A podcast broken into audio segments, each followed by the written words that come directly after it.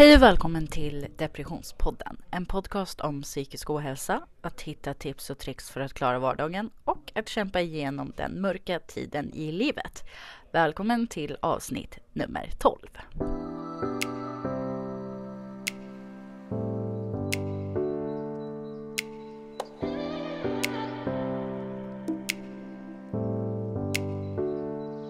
Idag så kommer vi att prata om lite allt möjligt.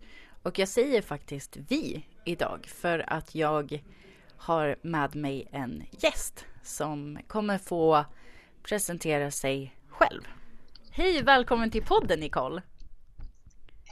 Tack så jättemycket för att jag får komma.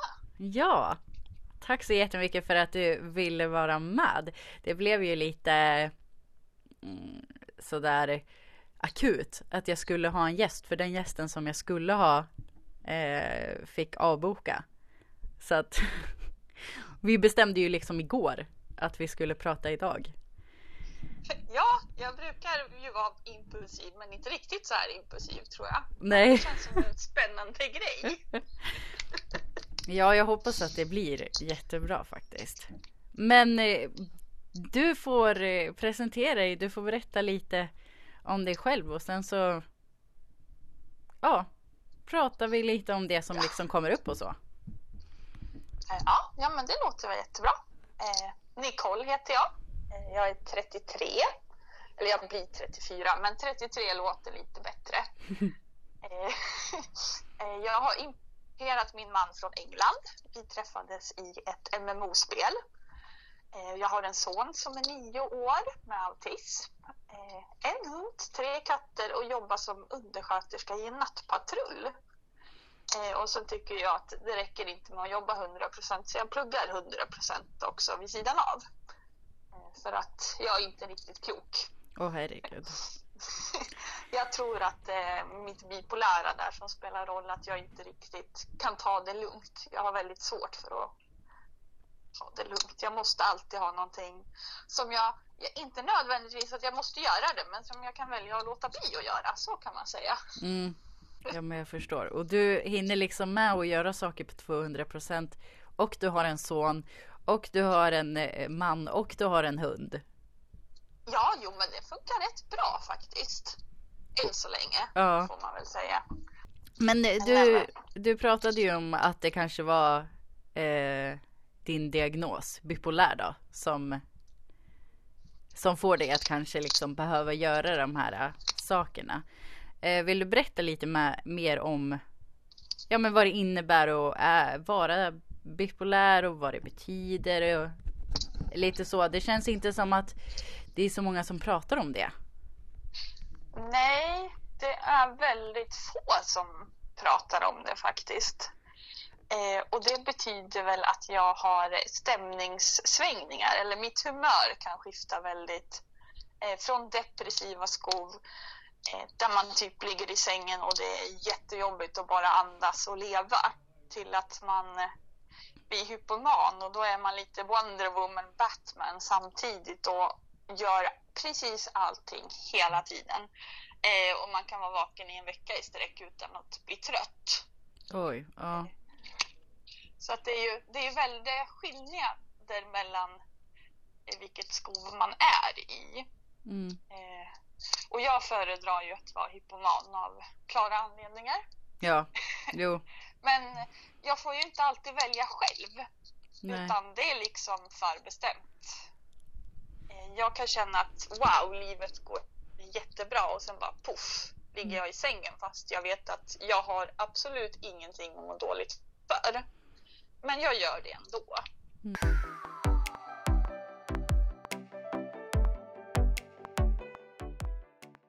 Men hur länge brukar det här eh, perioderna, hur långa brukar de vara liksom? Ja, det kan vara från en vecka till ett par månader. Okej. Okay. Eh, och det är ju ganska viktigt att man försöker bryta båda, men det är inte alltid så himla lätt. Och det är inte alltid man man vill vara i normalläge heller.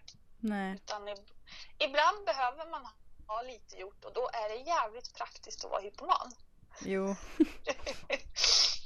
Det känns som att alla behöver vara det någon gång. Ja, men faktiskt. Det, man får så jävla mycket gjort rent ut sagt. Ja.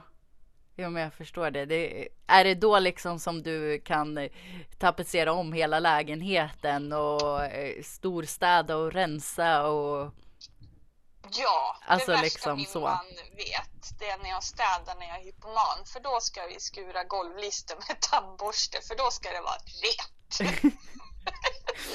Jag förstår. Det ska kunna genomföras en operation hemma hos oss. Mm. Så hygieniskt rent ska det vara. Mm. Så att, eh, ja, han är inte jätteroad jämt, det är han inte. Så det finns både fördelar och nackdelar då? Ja, Liksom. helt klart. Mm. Med båda eller känner du att det Ja. bara... Alltså för man blir ju, det sliter jättemycket på kroppen att vara hypoman och man blir lite dum i huvudet när man inte sover. Mm. Även om man kanske inte märker det själv så, så blir man det. Mm. Ja men det förstår jag. Men är du alltså uppe då? Alltså sover inte alls? Jag kan sova två timmar per dygn max alltså. Det, jag har inte tid. Och då Jag jobbar är du inte på trött natten? Och jag har inte tid. Ja, ibland. Jag brukar försöka undvika att jobba om jag inte har sovit. Ja. Eh, För jag jobbar ju ändå natt och jag, jag jobbar ju med människor. Mm. Eh, Så att eh, jag känner att det, känner jag att jag inte kan fatta bra beslut så är det ingen idé för mig att åka till jobbet. Nej. Nej, det, det handlar väl om en säkerhetsfråga både för dig och de du jobbar med liksom. Ja, men precis. Det, det är ju jag som har ansvaret för att, att de överlever tills dagskiftet kommer eller vad man ska säga rent Ja. krasst. Mm, precis. Ja, men du, du sa att du är 33 nu. Och eh, hur, hur länge har du varit bipolär då? När började det och hu- hur fick du det eller?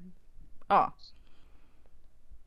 Eh, Jag och min läkare tror att det började redan på gymnasiet. Eh, För att då var jag, de trodde att jag var väldigt skoltrött då. Jag skolkade men samtidigt så har vi kunnat kartlagt att jag hade hypomanaskov också. Eh, Men det dröjde faktiskt till för fyra år sedan att jag fick min diagnos. Mm, Så att det tog... Jag tyckte ändå att jag klarade mig rätt bra så jag behöver ju ingen hjälp med hur jag mår. nej, Eh, Att må dåligt är ju ingenting man pratar om. nej, nej men precis. Eh, Och det är ju jävligt korkat, Ja, rent ut sagt.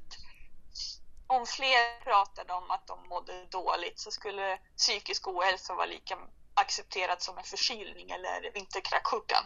mm. ja men absolut. För det är klart att man ska stanna hemma om man har feber eller om man kräks liksom. Ja, Alltså, från jobbet. Det är inte så konstigt att sjukanmäla sig eller sjukskriva sig eh, när, man har, när man har spytt eller när man har feber liksom. nej det är ju en självklarhet och det borde vara precis lika självklart för någon som, någon som inte kan ta hand om sig själv borde få stanna hemma. Mm. Ja, precis. Eh, men hur, hur kom det sig att du sökte läkarhjälp eller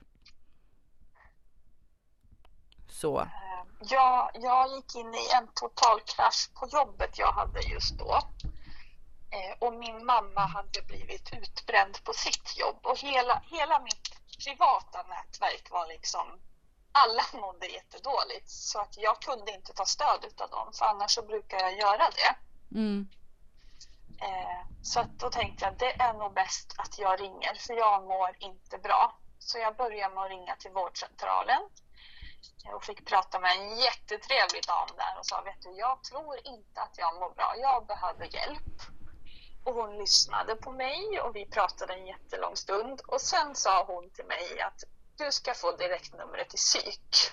Mm. Och jag tänkte att jo, jo, jag förstår ju att jag mår dåligt men jag visste ju inte att jag mådde riktigt så dåligt. Psyk behöver jag inte hjälp av. Kära du, jag mår bara lite dåligt. Mm. Men hon, hon övertygade mig om att jo, fast vet du, du, du kommer att hamna där så småningom i alla fall. Mm. För att det är de som kommer kunna hjälpa den diagnos du högst troligt har. Så att det är lika bra att du, att du bildar en kontakt med någon där från början istället för att du ska behöva upprepa dig. Mm.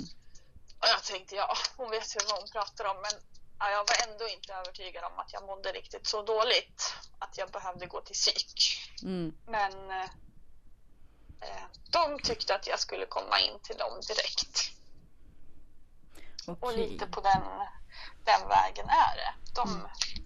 Den första läkaren var ju ingen läkare jag skulle skicka någon till, men resten av dem har ju varit bra. Mm. Jag, jag känner man märker verkligen när man ja, men om man har fått hjälp flera gånger att det finns det finns verkligen några läkare eller några psykologer som man inte alls eh, alltså kan prata med som, eh, som inte alls eh, typ förstår eller så och sen så får man träffa de här som man bara ja ah, tack du räddar mitt liv liksom. Ja, verkligen. Vissa är ju verkligen fel person på fel plats. Ja. Eh, den första jag träffade, hon tittade på mig och sa ja fast du är här, hur dåligt kan du må? Mm. Och då hade jag mått dåligt i 15 år. Ja. Så att eh, jag tyckte att ja, men jag blev lovad att få hjälp. Mm. Eh, och sen så gick jag eh, och sa att det här går inte, får inte jag någon hjälp så, så kan jag ju faktiskt inte fortsätta komma hit. Jag, jag behöver hjälp. Mm. Vad fick eh, du för hjälp? Nej, dit ringer jag inte igen. Eh, men så kraschade jag ju ännu värre efter bara någon månad. Mm. Eh, och blev ditkörd i pyjamas utav en av mina kompisar som sa att nu går du in och så nu ska du ha hjälp. Mm. Eh, och då fick jag träffa en annan läkare som var helt fantastisk. Som sjukskrev mig direkt. Vi satte in mediciner, vi började kolla upp vad det var och kom fram till att jag är solklart bipolär. Mm. Eh, och det har varenda läkare sedan dess sagt att du är textboksfall. Ja, okay. Du är jättelätt att diagnostisera för det är så tydligt på dig. Mm. Och det är ju både bra och dåligt antar jag. Mm. Ja, jo men hur kändes det när du fick diagnosen då? Blev du lättad eller blev du liksom arg eller vad hade du för känslor då? Jag blev lättad det var så här, wow, det här är vad som är mitt problem. Det är inte mitt fel. Det är inte mitt fel att jag inte klarar av att leva som en annan människa. Mm. Eh, det finns en förklaring. Mm. Eh, jag har aldrig känt att jag har fått fel diagnos. Nej. Utan jag välkomnade den med öppna armar och tyckte, ja, nej men jag förstår, jag ser också det här nu. Mm. Gud vad skönt.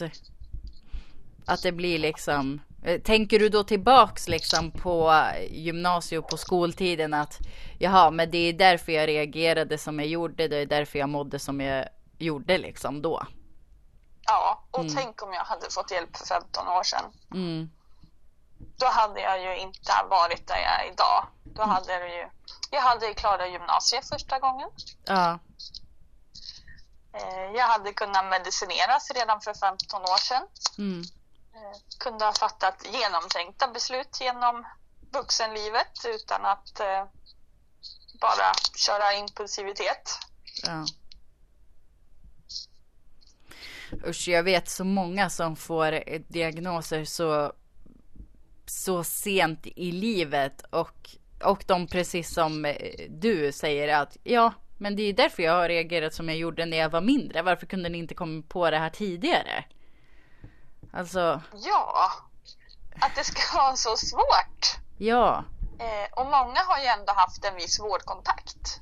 Mm, ja men precis och skolsköterskan eller alltså så klassförståndare skicka till kurator och alltså. Ja, jag gick ändå hos kurator på mellanstadiet. Ja. Eh, men det var inget så här det är inget fel på dig typ. Mm. Fast det är det ju uppenbarligen. Ja, men, ja, men precis. men eh, hur...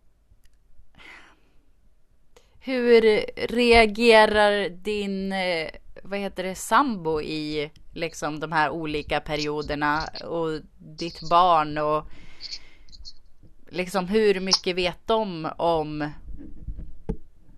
eh, det maniska och det depressiva liksom?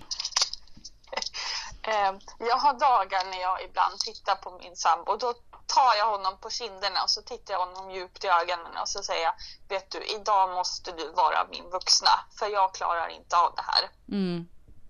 Eh, och så får han sköta precis allt för att då ligger jag i sängen i tre dygn och bara mår skit. Mm. Eh, och till sonen har jag sagt det att vet du, idag, idag mår inte mamma så bra. Mm. Eh, och han har ju ändå, han känner ju av mig rätt tydligt så. Mm. Eh, och då kommer han och gör tillsynen på mig när jag ligger i sängen och tittar att hur går det? Går det bra? Mm. Ja, du ligger kvar där. Ja. Eh, och sen så märker de väl av ja, det maniska på att jag städar mycket eh, Okej. och inte sover. Mm. Eh, och så var det en morgon jag vet att Phoenix minns jättetydligt för då satt hans mamma vid köksbordet och tatuerade sin arm. Och han tittade på mig och sa nu igen mamma. Ja, jo men det går bra sa jag. Ja fast vet du, du kan inte hålla på så här. Ja, jag vet sa jag. Jag vet, men det går bra. Ja, det blir fint i alla fall. Men jag tycker att du ska gå och lägga dig igen. Ja, sa jag, när jag är klar. så han har ju verkligen sett båda sidorna. Mm. Eh, och jag tror ändå han hanterar det ganska bra. Det är synd att han behöver göra det. Mm. Men eh, samtidigt tror jag att han har en väldigt stor förståelse för sina medmänniskor. Mm. Ja, och det, jag tror också att det kommer bli jätteviktigt för honom när han blir äldre. Eh, Att han redan har de här liksom erfarenheterna och kunskaperna om hur ja, men faktiskt är att leva med någon liksom med psykisk ohälsa och eh, så. För man vet ju, man vet ju vissa som eh, alltså bara så här vissa nu som är liksom så här 30-40 år som inte ens alls kan förstå hur folk kan må dåligt eller ja men förstår du vad jag menar? Ja, herregud. Jag läser, nu när jag pluggar så läser jag om neuropsykiatri som specialistundersköterska. Mm. Eh, och då pluggar jag med en klasskompis som sa att eh, och då psykisk ohälsa det finns ju inte på riktigt.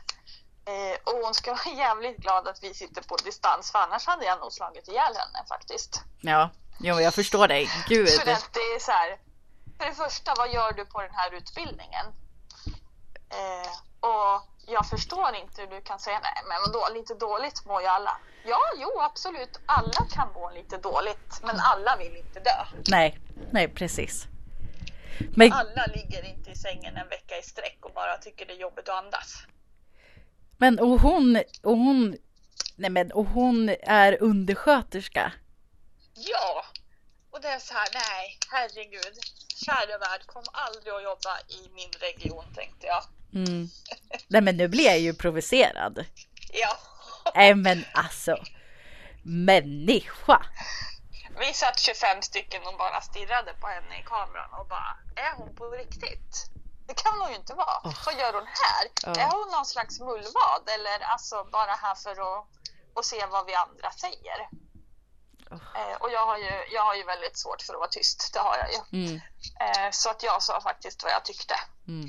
Ja men det skulle jag med. Jag, skulle, alltså, du, jag skulle prata så mycket och folk skulle inte få stopp på mig och jag skulle vara så arg. Åh Ah, äh. gud. Det är det, det är det mest korkade uttalandet jag har hört på flera år. Att det inte ens finns. Ja. Usch, jag förstår det. Jag, jag, alltså folk måste ju, ja men om man inte tror att det finns, de har ju antingen levt under en sten, inte har någon tv, inte har någon radio, inte har några tidningar. Alltså vad har man gjort då? Jag förstår inte.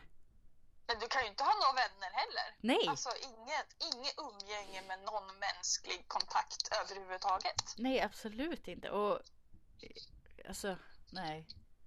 Gud. Nej, det är nog... Åh, jag blir så provocerad. Ja, jag med. Förstår inte. Åh, gud. Men alltså. Det, jag tror att det som vi måste göra som liksom brinner för de här frågorna för oss som liksom har erfarenheter och kunskaper. Alltså att vi verkligen måste försöka nå ut till så många människor som möjligt så att det inte är så himla tabubelagt att prata om det här. Ja, för att det, det, går ju inte att fortsätta så här. Nej. Eh, de som mår dåligt måste våga prata om det. Ja. De måste få bra hjälp när de söker vård. Mm. Vi måste ju ta hand om de här människorna. Och det, det, det är ju tyvärr jättemånga som liksom Ja men som har gått runt och mått jätte, jätte dåligt och sen som bara okej okay, men nu kan jag väl söka vård då. Och sen när den väl söker jobb eller vård då får den nekad och då kan det vara för sent liksom. Ja, det är ju jättemånga. Vi hade ett fall för om det är tio år sedan där det var någon som sökte hjälp mm. eh, och inte fick hjälp. Mm. Eh, och sen så hade de skickat en kallelse.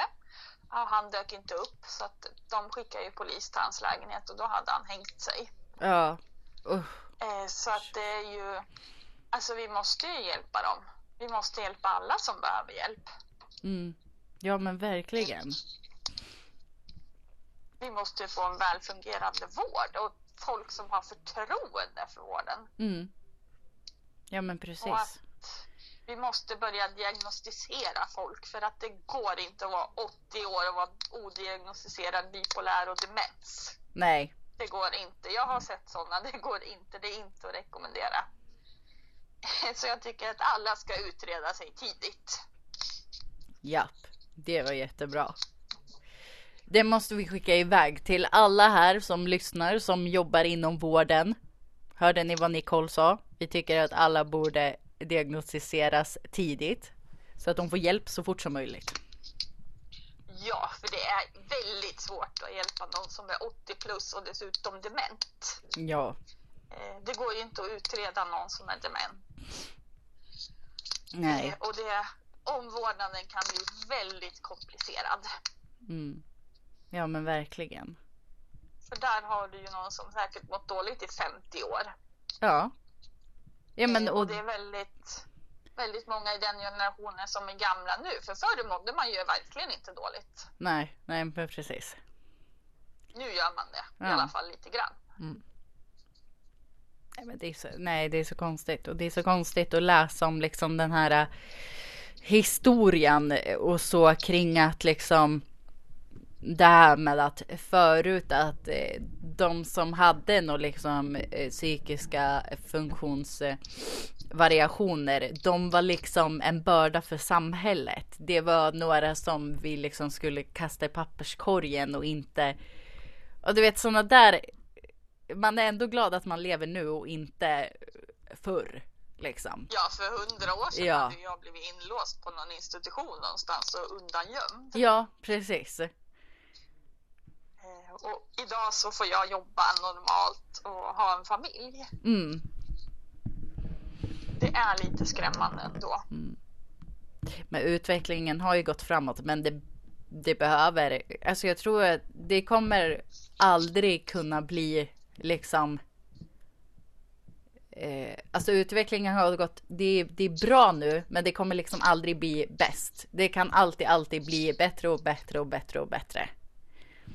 Förstår du vad jag menar? Ja, att det, ja, det kan det alltid utvecklas. Ju, det finns ju jättemycket förbättringsutrymme. Mm. Så otroligt mycket vi skulle kunna göra bättre. Ja, verkligen. Men tack så jättemycket. Nu har vi faktiskt pratat i en halvtimme snart. Oj! Faktiskt. Eh, och jag tänkte bara, är det några tips som du vill skicka med dig om det är några som eh, känner som du som kanske inte har fått eh, en diagnos eller eh, något tips på hur du klarar av vardagen?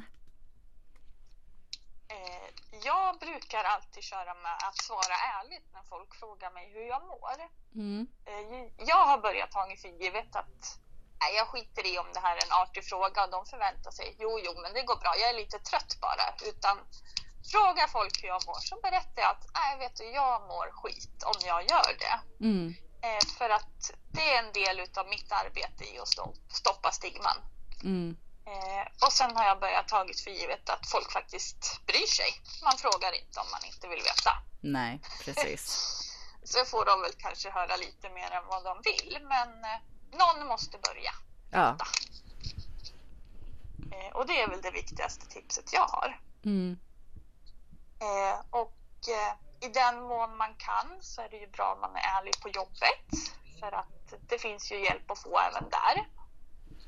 Eh, jag jobbade dagtid förut och då hade jag en tjänst på 75 procent. Jag tror inte ens jag var där halva tiden utav det. Mm.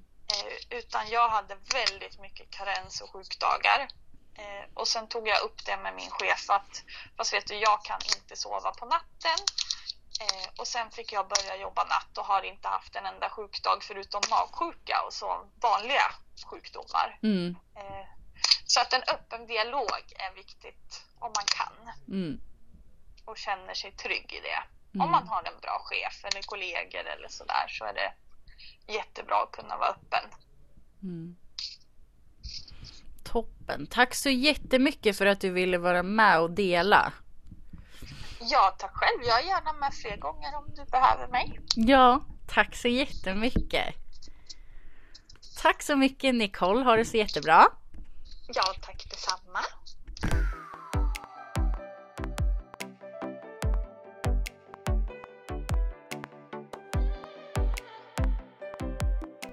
Så, nu har vi sagt hej då till Nicole. Och eh, vi sa lite hej då själv utanför podden här nyss och vi pratade om att eh, en halvtimme går så snabbt och det känns som att vi bara skrapade lite på ytan. Vi skulle kunna prata hur mycket mer om det här som helst liksom om bipolär och om eh, ja men eh, alltså hur det är att må dåligt och ja, men sånt som jag brukar prata om i podden. Och grejen är den att nu nu pratar vi bara om hur hon upplevde sina maniska och depressiva perioder i i sin bipolära sjukdom. Men eh, hon, det, var, det var liksom bara skrap på ytan. Det finns så mycket mer eh, vi kan prata om. Så att Nicole kanske kommer tillbaks i podden eh, ett annat avsnitt helt enkelt. Eh, men nu reklam för min bok. Jag har ju då skrivit en liten bok. En liten faktabok, en liten självhjälpsbok, en liten självbiografi som heter Vi klarar det tillsammans, bara vi vågar. Eh, och det här är en liten eh, bok som inte kommer finnas som fysisk bok utan den kommer finnas som pdf och ljudbok. Boken släpps på alla hjärtans dag den 14 februari. Eh, boken är på 50 sidor, A4-sidor, pdf. Eh, och har kapitel som innehåller mediciner, eh, psykisk ohälsa, tips, eh, rutiner, egna erfarenheter, egna berättelser ifrån mig eh, och lite blandat. För att köpa den här boken som endast kostar 50 kronor och då får man både pdf-filen och ljudboksfilen. Så går man in på depressions.podden på Instagram eller Elin Fridström på Instagram. Skriver ett eh, privat meddelande och skriver att du vill beställa boken. Eh, när du har beställt boken, när eh, betalningen är bekräftad, så kommer du få ett mail och sedan så kommer boken att komma till dig i din mail inkorg, mailinkorg, ja, i din inkorg på mejlen den 14 februari som en liten alla hjärtans dag present till dig som du själv har betalat. Japp, över till podden. Okej, men ja, det här känns eh, superduper bra. Tack så jättemycket för att ni lyssnade på dagens avsnitt. Glöm inte att kommentera, glöm inte att likea och glöm inte att följ på Instagram för mera tips och tricks, för eh, mera kunskaper, erfarenheter, eh, tips på telefonnummer, tips på eh, yogaövningar, meditationsövningar, tips på ja, massa grejer. Och så ser ni också vad nästa avsnitt kommer handla om. Om ni går in på Instagram. Depressions.podden på Instagram. Tack så jättemycket för att ni lyssnade på den här avsnittet idag. Om du ligger i sängen, om du inte orkar gå upp så ligg kvar. Om du orkar gå upp, gå upp. Om du mår dåligt så är det helt okej. Okay. Alla är lika värda. Du är superviktig. Jag är superviktig. Vi är superduper viktiga. Och du? Vänta. Har du ätit någonting idag? Har, har du ätit en macka? Eller fill och flingor? Ja, men det räcker faktiskt med att du äter något litet. En macka eller fill och flingor. Du behöver näring. Din kropp behöver energi. Din hjärna behöver energi för att du ska orka. Tack så jättemycket så hörs vi nästa vecka. Puss och kram.